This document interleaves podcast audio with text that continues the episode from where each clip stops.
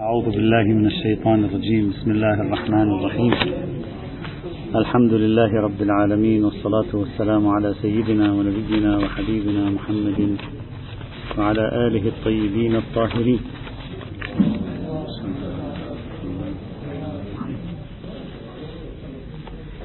نختم اليوم إن شاء الله تعالى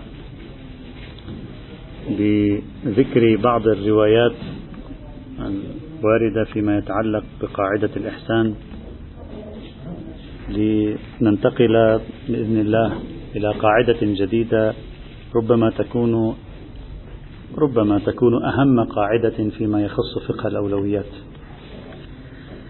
النصوص التي سوف أذكرها اليوم أذكرها للتيمن والتبرك أكثر مما سأذكرها للاستدلال سنعتبرها مجرد مؤيدات لأن أغلب هذه النصوص إما ضعيف من حيث الإسناد أو ضعيف من حيث الإسناد والمصدر مع الأسف. والقليل وبعضها حتى ضعيف من حيث الدلالة أيضا. لكن لا بأس بآخر الأسبوع وختام بحث قاعدة العدالة وفرعيها القاعدة الذهبية وقاعدة الإحسان. أن نقرأ هذه الروايات نتخلق بها صرف النظر عن كونها تثبت هذه القاعدة أو تؤيد. لا أقل بعنوان مؤيد لا بأس بها جيدة. سأقتصر على ذكر بعض الروايات في هذا الإطار. الرواية الأولى عهد الإمام علي عليه السلام لمالك الأشتر. قال ولا يكونن المحسن والمسيء عندك بمنزلة سواء. الإنسان المحسن والإنسان المسيء لا يكونان عندك في حالة واحدة لا فرق بينهما تعامل المحسن كما تعامل المسيء. فإن في ذلك تزهيدا لأهل الإحسان في الإحسان وتدريبا لأهل الإساءة على الإساءة. كلام في غاية الروعة وفي غاية ماذا أقول؟ يحمل الكثير من الوعي التجريبي البشري في الحياة الاجتماعية. يقول طبائع البشر بذاتها إن لم تقم أنت بإيجاد محفزات لها تضمر.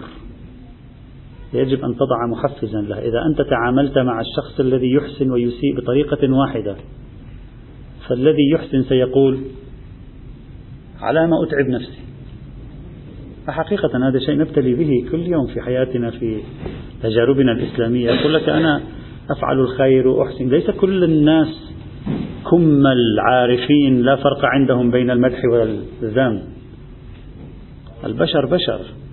إذا أنت المسيء والمحسن عندما يدخلان إليك تعاملهما بنفس الطريقة لا تميز المسيء عن المحسن. صاحب الإحسان سيزهد في إحسانه سيقول فعلنا كل هذا الجهد الذي فعلناه وإذ بنا مثل هذا الذي لم يفعل شيئا. وينافق ويصل إلى ما وصلنا إليه. إذا لماذا أتعب نفسي؟ أصل إلى ما وصل إليه بقليل من النفاق. مثلا هذه حياة هذه تجارب حقيقة يعني واسعة التطبيق في حياة البشر عموما. فإن في ذلك تزهيدا لأهل الإحسان في الإحسان. لا يشعر أهل الإحسان أنه محفز على إحسانه. لا يشعر بأنه مكرم على إحسانه. لا يشعر بأن عنده خاصية إضافية. يعني أنت أحسنت ولا ما أحسنت؟ لا سيان لا أحد يراعيك في المجتمع لا أحد يضع نقطة إيجابية على أنك محسن ويعاملك كما يعامل المسيء. وتدريبا تشجيعا تحفيزا تيسيرا لأهل الإساءة على الإساءة. يشعر صاحب الإساءة بأنه لماذا أتعب نفسي؟ الإحسان عادة يحتاج إلى جهد. لماذا أتعب نفسي في عمل الخير وفي الإحسان؟ نفس الطريقة أصل إلى نفس النقطة بطريق أقصر. فلماذا أستخدم طريقا أطول؟ وألزم كلا منهما ما ألزم نفسه. واعلم أنه ليس شيء بأدعى إلى حسن ظن راع برعيته من إحسانه إليهم وتخفيفه المؤونات عليهم. يعني حتى يكون الإنسان عنده حسن ظن بالرعية يخفف عنهم. إذا أنت ما تخفف عليهم معناته تسيء الظن بهم. ما عندك ثقة فيهم. لذلك دائما لاحقهم فوق رأسهم العصاية. فوق رأسهم العصا والإلزامات. ما عندك حسن ظن فيهم. أفضل شيء لحسن الظن فيهم أن تحسن إليهم. أحسن إليهم؟ يحصل إحسان الظن. تعبير عن إحسان الظن بالرعية. فهذا النص واضح يدعو إلى تمييز المحسن عن المسيء. يحث على مبدأ الإحسان. يقدر الإنسان المحسن. يدعو إلى تقديره. يدعو إلى الإحسان إلى الرعية. يعتبر الإحسان إلى الرعية ليس تساهلا بل هو عبارة عن نوع من حسن الظن. نوع من استدرار حسن الظن. هذا المبدأ يكرس فكرة الإحسان وتقديم ال... وهذا النص ميزته أنه نص علوي متوجه إلى شخص ذاهب إلى مصر. مصر منذ أن دخلها الإسلام إلى يومك هذا فيها أقلية مسيحية قبطية معتد بها ليسوا أفرادا جماعات مدن وقرى منذ أن دخلها الإسلام إلى اليوم.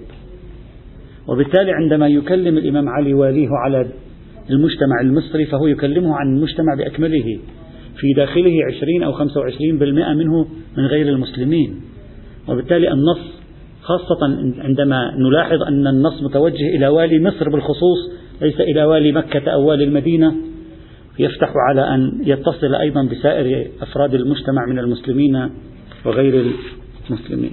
فهو على أية حال نص عهد الإمام علي إلى مالك الأشتر نص مهجور يعني أحيي خلال الخمسين سنة الأخيرة في أوساط العلماء كتبوا في شرحه بعض الكتابات صارت عليه دروس وإلا عبر مئات السنين هو نص مهجور.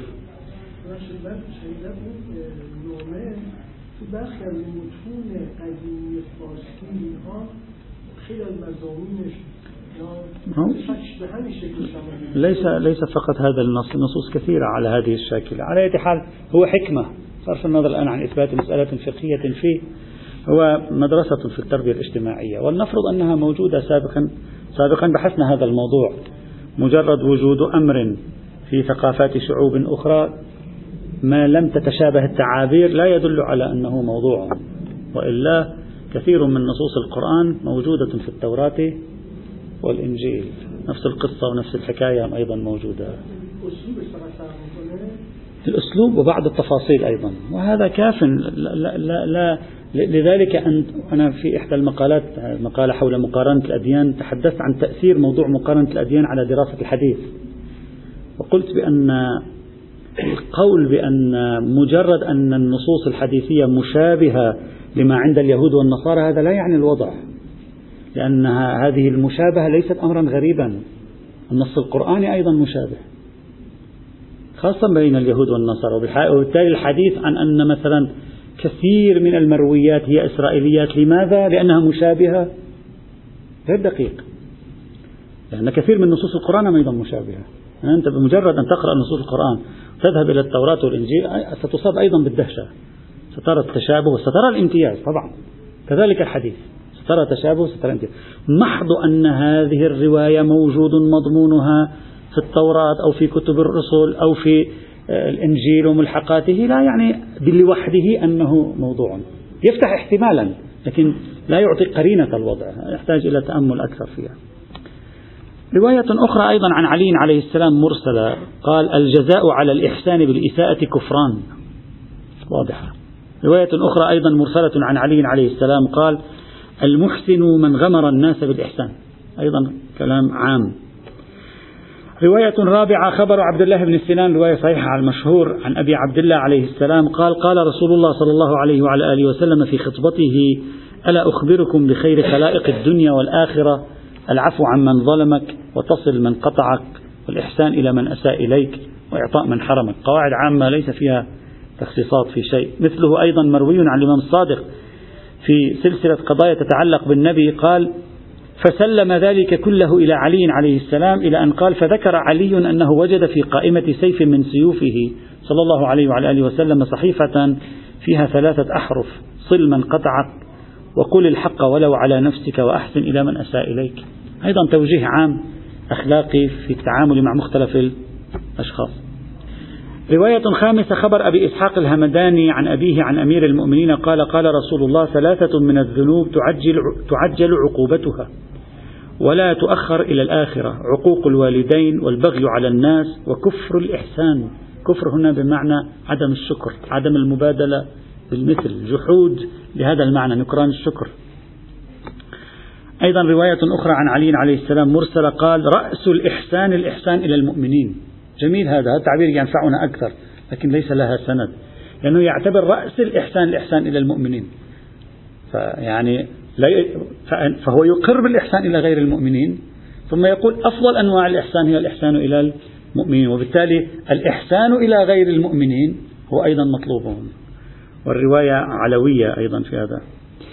أيضا مرسل الدعائم عن علي عليه السلام أنه كتب إلى رفاعة قال أد أمانتك ووفي صفقتك. ولا تخن من خانك. يعني يعني إلى هذا الحد من التوجيه الأخلاقي. وأحسن إلى من أساء إليك وكافي من أحسن إليك. واعف عن من ظلمك وادع لمن نصرك وأعط من حرمك.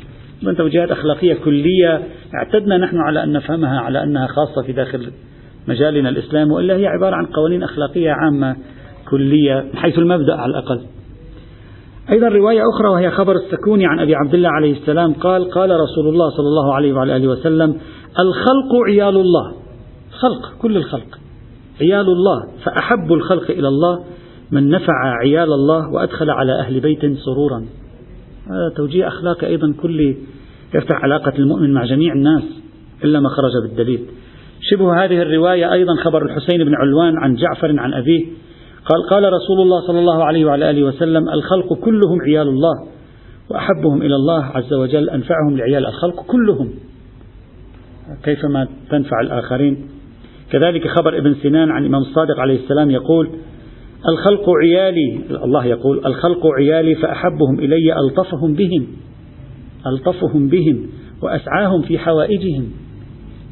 الخلق هذه النصوص دائما كنا فقط نتصورها أن فقط في إطار علاقاتنا الإسلامية بل في إطار علاقاتنا المذهبية أيضا. معنا عبارات عامة. طبعا كثير من هذه أو بعض هذه الروايات وارد في الكافي بالمناسبة. أيضا خبر آخر مرسل عن علي عليه السلام قال ابذل معروفك للناس كافة. ابذل معروفك للناس كافة. فإن فضيلة المعروف لا, يعدل يعدلها عند الله سبحانه وتعالى شيء. سوي المعروف مع كل الناس.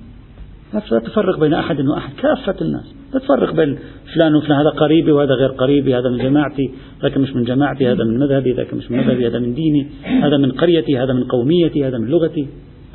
كافة. الرواية الأخيرة التي أريد أن أريدها هنا خبر إسحاق بن عمار وهي رواية صحيحة. أغلب يعني المباني الرجالية لم يكن تقريبا جميع المباني الرجالية. قال قال الصادق عليه السلام يا إسحاق صانع المنافق بلسانك لا تنافقه صانعه. تعبير جميل.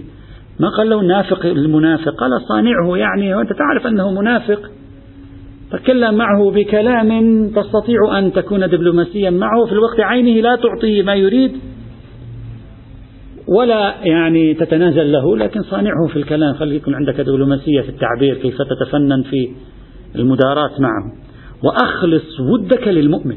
المنافق يصانع المؤمن يخلص له الود وإن جالسك يهودي فأحسن مجالسته ما قال له ود اليهود المودة مع غير المسلمين؟ في كلام فيها سوف نشير إليه لاحقا. مفهوم المودة شيء ومفهوم العلاقة الحسنة شيء آخر. مفهوم المودة شيء ومفهوم العلاقة المودة أعلى من مفهوم العلاقة الحسنة. ذاك الوالدين أطعهما إذا أمرك بالشرك فصاحبهما في الدنيا معروفة المصاحبة بالمعروف شيء والمودة أعمق بكثير من مفهوم المصاحبة. الرواية أيضا تفرق. يقول وأخلص ودك لإخوانك. اجعل خالص الود للمؤمن. عفوا للمؤمن. خالص الود للإنسان المؤمن. لم نقل لك أن يكون ودك لغير المسلم. وإن جالسك يهودي فأحسن مجالسته توجيه واضح في أنه إذا جالسك يهودي ما قالوا إن جالسك ذمي قالوا إن جالسك يهودي فأحسن مجالسة. فليكن هذا المجلس مجلس حسن من قبلك. تحسن أن تجالس شخصا. وليس على طريقة بعضهم اليوم خاصة في بعض الأوساط إذا يلتقى بمسلم يكفر وجهه وينقلب نبضه وتصبح الأمور. فأحسن مجالسته إلا إذا كان المورد يتطلب شيئا آخر بدليل آخر في حالة أخرى كالحرب أو العداوة أو أي شيء آخر نتبع دليل آخر. لكن مقتضى القاعدة في أن نجالس غير المسلمين أن آه، يكون الأمر كذلك. أيضا هذه الرواية رغم صحتها على المباني المشهورة يعني على مسلك السيد الخوي أيضا رغم صحتها وردت بطريق آخر أيضا في مصدر آخر إلى سعد بن طريف. والرواية واردة في كتاب من لا يحضره الفقيه وواردة في كتاب الأمال للشيخ الصدوق كذلك في أمال الشيخ المفيد أضف إلى ذلك أيضا مجموعة من بعض الروايات التي تسمى بروايات لكل كبد حراء أجر. يعني أي كبد حتى بعضهم طبقها على الحيوان هذه. أطعمه أشربه هذا له أجر. نفس أن شخص مسكين مريض جوعان آه، عطشان لكل كبد حرة بعضهم حتى يطبقها على الحيوان. يقول آه، آه، أن تشرب الحيوان أو أن تطعم الحيوان. راجع إلى مثل هذا. فكيف بإنسان أيضا.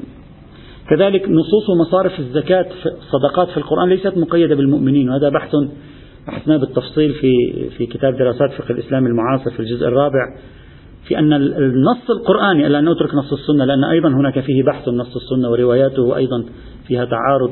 نص القرآن في موضوع آه، نصوص القرآني بصرف النظر عن الحديث نصوص الزكوات والصدقات ليس فيه أي إشارة للانتماء الديني بل على العكس من ذلك. السياق القرآني في باب الصدقات كان سياق غمز المنافقين في موضوع الصدقة. في القرآن كانوا يغمزون يقولون محمد صلى الله عليه وآله وسلم يعطي جماعة وما يعطي جماعة ونحن ما يعطينا وفلان يعطيه ما جاء؟ قال القرآن إنما الصدقات للمؤمنين المخلصين. ليس لكم أيها الكفار المنافقون. وإنما أعطى معيارا آخر رغم أن السياق سياق ماذا؟ سياق الحديث مع أشخاص يبطنون الكفر. فقال إنما الصدقات إلى آخره للفقراء والمساكين إلى آخره من التعابير الواردة. وبالتالي لم يضع معيار إنما الصدقات للمسلمين أو إنما الصدقات للمؤمنين ولا تشمل غير المؤمنين من المنافقين. يعني النص القرآني أيضا كان مطلق. طبعا في بحث تفصيلي حديثي هناك. لا, لا نتكلم عنه آه، ساعة.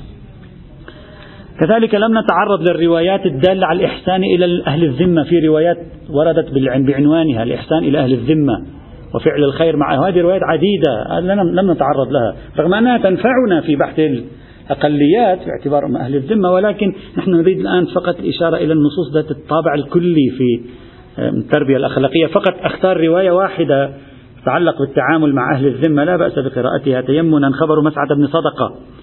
الذي أورده الشيخ الكليني في الكافي عن أبي عبد الله عليه السلام عن آبائه عليهم السلام قال أن أمير المؤمنين عليه السلام صاحب رجلا ذميا مشى معه في الطريق التقى الإمام علي في الطريق مع رجل ذمي. فقال له الذمي أين تريد يا عبد الله؟ فقال أريد الكوفة. فلما عدل الطريق فلما عدل الطريق بالذم عدل معه أمير المؤمنين. الإمام علي رايح إلى الكوفة. سأله ذاك ذم وين رايح؟ قال إلى الكوفة. الذمي ما رايح للكوفة رايح إلى مكان ثاني وصل إلى المفرق الطريق ذهب إلى مكانه الذمي فقام الإمام علي بالذهاب معه باتجاه المكان الآخر فذاك الرجل استغرب. فقال له الذمي أين تريد يا عبد الله؟ فقال أريد الكوفة. فلما عدل الطريق الطريق بالذمي عدل معه أمير المؤمنين عليه السلام فقال له الذمي ألست زعمت أنك تريد الكوفة؟ فقال له بلى. فقال له الذمي قد تركت الطريق. فقال له قد علمت. قال فلما عدلت معي وقد علمت ذلك؟ فقال له أمير المؤمنين هذا من تمام حسن الصحبة. أن يشيع الرجل صاحبه هنيئة إذا فارقه. وكذلك أمرنا نبينا. هذا نوع من حسن الصحبة. حسن الصحبة ليس خاصا بالمسلم. أنت صاحبي وبالتالي أنا علي أن أتعامل معك بأخلاق الصحبة. وأخلاق الصحبة حتى لو لم تكن مسلما تفرض علي أن أشيعك ولو قليلا بضعة أمتار ثم أرجع وأذهب في طريقي. وهذا سلوك علوي يعني في التعامل حتى مع غير المسلمين. أختم الحديث عن هذه القاعدة بخبرين كليين ليس لهما علاقة ببحثنا لكنهما جميلان كما قلت للتبرك. الخبر الأول صحيحة إسحاق بن عمار وهي صحيحة السند أعتقد على جميع المباني. عن أبي عبد الله عليه السلام قال إن الله عز وجل أوحى إلى نبي من أنبيائه في مملكة جبار من الجبارين أن ائت هذا الجبار. فقل له إنني لم أستعملك على سفك الدماء واتخاذ الأموال وإنما استعملتك لتكف عني أصوات المظلومين. فإني لن أدع ظلامتهم وإن كانوا كفارا. يعني المظلوم لا فرق فيه في بين أن يكون مسلما أو كافرا المظلوم مظلوم. في أي مكان في العالم يكون هناك مظلوم فهو مظلوم. فإذا كان هناك مظلوم في حضرتك أيها السلطان أيها الجبار النبي يقول له بوحي من الله فهذا المظلوم سوف يستصرخ الله. والله يستجيب لصراخ المظلومين. ما يسأل المظلوم أنت أنت مسلم شيعي سني عباضي حنبلي؟ وإنما عنوان المظلومية كأنما هو عنوان مستقل لاستجابة الدعاء عند الله. فيستصرخ هذا المظلوم فالله قد يستجيب له الدعاء وينزل عليكم بالبلاء. فلاحظ الرواية صحيحة السند يقول فإني لن أدع ظلامتهم وإن كانوا كفارا استصرخوني ومظلومون. الله لا يدع ظلامة حتى كافر. الرواية الثانية وهي المرسل عن الإمام جعفر الصادق عليه السلام قال لأبي بصير. طبعا هذه الرواية لم أجدها إلا في في لا أدري بهذا التعبير وجدتها في كتاب ميزان الحكمة لا أعرف من لا أظنها يعني قابلة للاعتماد عليها مصدرها ما ما مبين. لكن فسروها أنا فقط أريد أن أذكر تفسيرها وإن كان ليس واضحا حتى تفسيرها كثيرا. يقول يا أبا محمد لا تفتش الناس عن أديانهم فتبقى بلا صديق. فسروها هكذا أنه رفض لمحاكم التفتيش. أجلس مع فلان روح شوف حتى شوف هذا عقائده ما هي. تشوف قال له إذا تسوي هكذا ما تخلي صديق لك. كل ما تشوف لك واحد عقائده ما تعجبك تتركه وهذا تتركه وهذا تزعل منه لأنك مثلا عقائده غير عقائدك والآن هذه هم رائجة صارت الآن في عصرنا تفتيش العقائد بالمعنى الاجتماعي. واحد يروح لك عند واحد ثاني حتى يشوف هذا شو بده يقول يستدرجه ليرى رأيه في الموضوع الفلاني. فإذا كان رأيه لا كذا يتركه متى أو يذهب يشاهر به. وهذا الآن رائج. أو موجود لا أقول رائج لا. أقول موجود مع الأسف في أحيانا بعض التصرفات التي يعني لا ينبغي أن تقع. على أي حال نتيجة هذه الرواية ها. آه معذرة عن الرواية واردة في تحف العقول. عفوا أنا اشتبهت. نعم نعم. عفوا الرواية واردة في صفحة 369 نعم صحيح. لكن تفسيرها بتفتيش العقائد هو تفسير الشيخ الريشاري معذرة. لكن بلا سند على أي حال. على أي حال هذا خلاصة ما أردنا أن نذكره فيما يتعلق بقاعدة العدالة وملحقاتها من القاعدة الذهبية. وقاعدة الإحسان وبتعاضد هذه القواعد الثلاث مع بعضها نستطيع أيضا أن نأخذ مؤشرا عاما في العلاقات. هذا إلى الآن انتهينا من أربع قواعد أساسية وبقيت عندنا أيضا شبيهة لها. قاعدة العلو. هذه أقرب القواعد إلى موضوع بحثنا. أقرب القواعد إلى موضوع بحثنا قاعدة العلو أو قاعدة نفي السبيل وتسميتها بقاعدة نفي السبيل هي القاعدة الأشهر الآن سنبحثها لنرى. نحن نقول لصيقة ببحثنا. بصرف النظر أنها تعطي نتيجة لصالح ألف أو باء. لكن ألصق شيء ببحثنا تقريبا من مجموع القواعد التي ذكرناها هي وقاعدة الذمام هذه القاعدتين الذمام ما يرتبط بالذمية والجزية. أقرب شيء إليها هي هذه.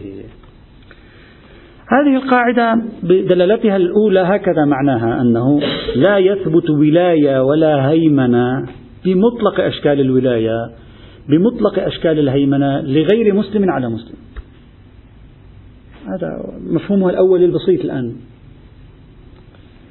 هذه الفكرة أنه ليس لغير المسلم على المسلم نوع هيمنة نوع ولاية. هذه ليس ليس تشريعية ليس تكوينية ما عندنا علاقة فيها. نحن لا نبحث لا في تفسير القرآن ولا في الواقع التكويني ليست تشريعية تهمنا التشريع يقول مسلوب منفي أي ضرب من ضروب الولايات والهيمنات القانونية الاعتبارية لغير مسلم على مسلم.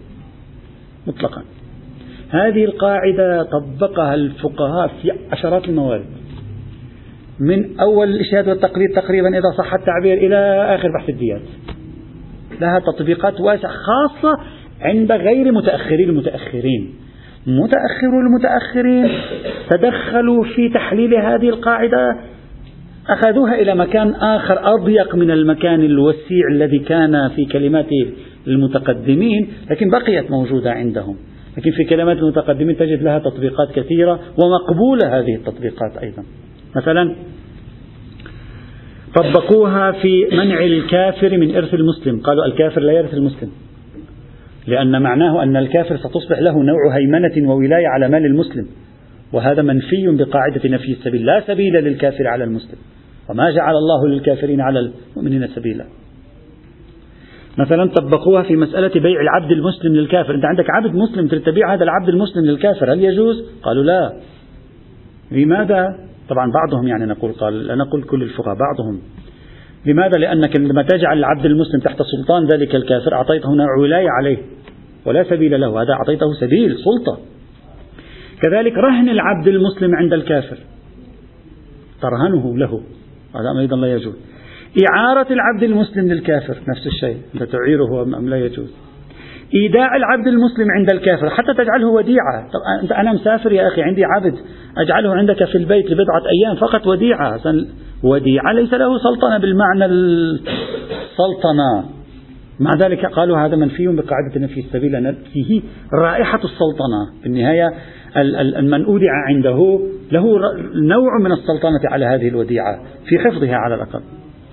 وقف العبد المسلم للكافر. أنت تقف مثلا عندك مجموعة من العبيد تقفهم مثلا لأجل أن يخدموا مجموعة من كبار السن دار عجزة وهؤلاء كبار السن من غير المسلمين. حتى هذا الوقف لا يجوز. تقفهم لخدمة هؤلاء تعطي نوع من الهيمنة. أيضا عدم وصية العبد المسلم للكافر. توصي أن هذا العبد الذي هو مسلم عندي أنا أعطيه للكافر مثلا.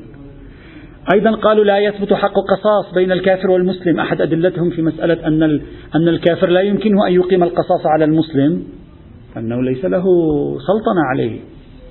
أيضا استئجار الكافر للمسلم. حتى هذه بعضهم استشكل بها. أنت الآن في الغرب. تروح تشتغل في شركة تشتغل في في مؤسسة تشتغل في إدارة تعمل في مطعم في استئجار هذا أنت تؤجر نفسك. بعضهم قال حتى هذا ما يجوز. لأن هذا نوع من إعطاء السبيل لصاحب هذه الشركة على شخص مسلم هو أجير عنده. بعضهم قال لا يجوز.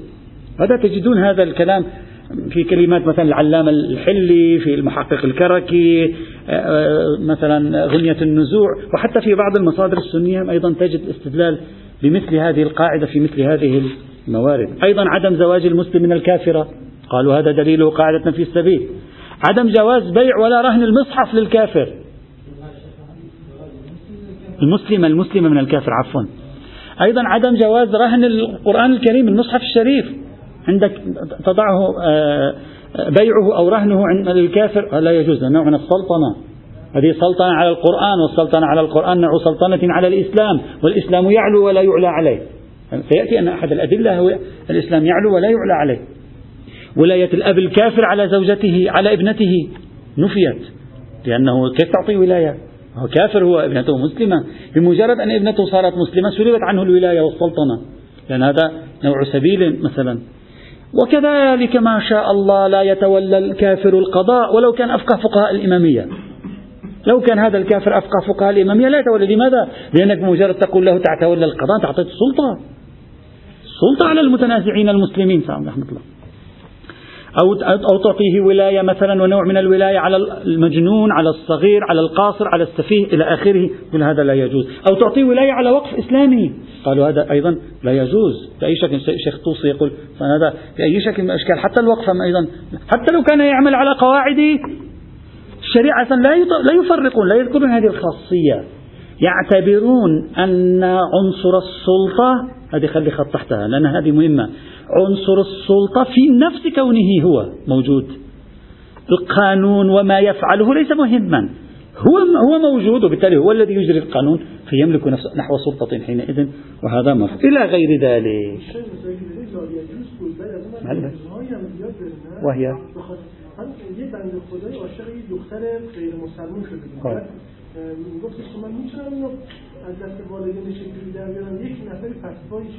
الآن الآن سأشرح مستند هذه الفتوى.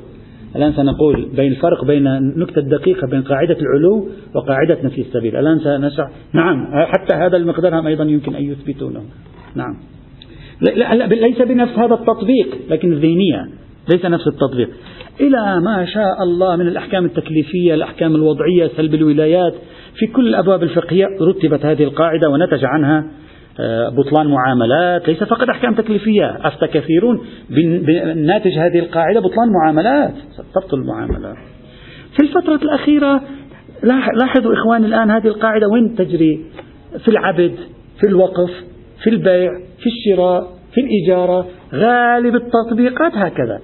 في الفترة الأخيرة خلال القرن الأخير بدأت تجد تطبيق هذه القاعدة. طبعا في باب الجهاد لم تطبق لكن بدأت تجد في القرن الأخير تطبيق هذه القاعدة في باب العلاقات السياسية والسياسة الخارجية من علاقة المسلمين كأمة مع الكافرين مع الدول. هذه هذه لا تجدها في الكتابات القديمة واضحة. نعم تجد أنه لا يجوز يجب الجهاد لأنه لا يجوز أن يتسلطوا علينا ويجي يحتلوا أراضينا. أما فيما يتعلق بالعلاقات السياسية والاقتصادية تطبيق قاعدة نفي السبيل هذه حديثة. مثلا من أبرز الشخصيات الذين طبقوا هذه القاعدة الإمام الخميني رحمة الله تعالى عليه طبق هذه القاعدة في العلاقات مع الغرب قال قاعدة نفي السبيل تقتضي أن لا تدخل في أي اتفاقية سياسية اقتصادية اجتماعية أمنية ثقافية توجب نوعا من الهيمنة ولو لم يحتلوا أرضك. دير بالك هذا. لا في احتلال الأرض لا في إبادة إسلام لا في قتل مسلم لكن نوع من السلطنة لا يجوز. بالنهاية لما تأتي شركات عملاقة متعددة الجنسيات وتيجي تدخل في في في بلد مسلم لها نوع سلطنة يعني. لا نريد أن نكذب على أنفسنا ونختبئ خلف إصبعنا. لها نوع سلطنة حقيقية على اقتصاد البلد.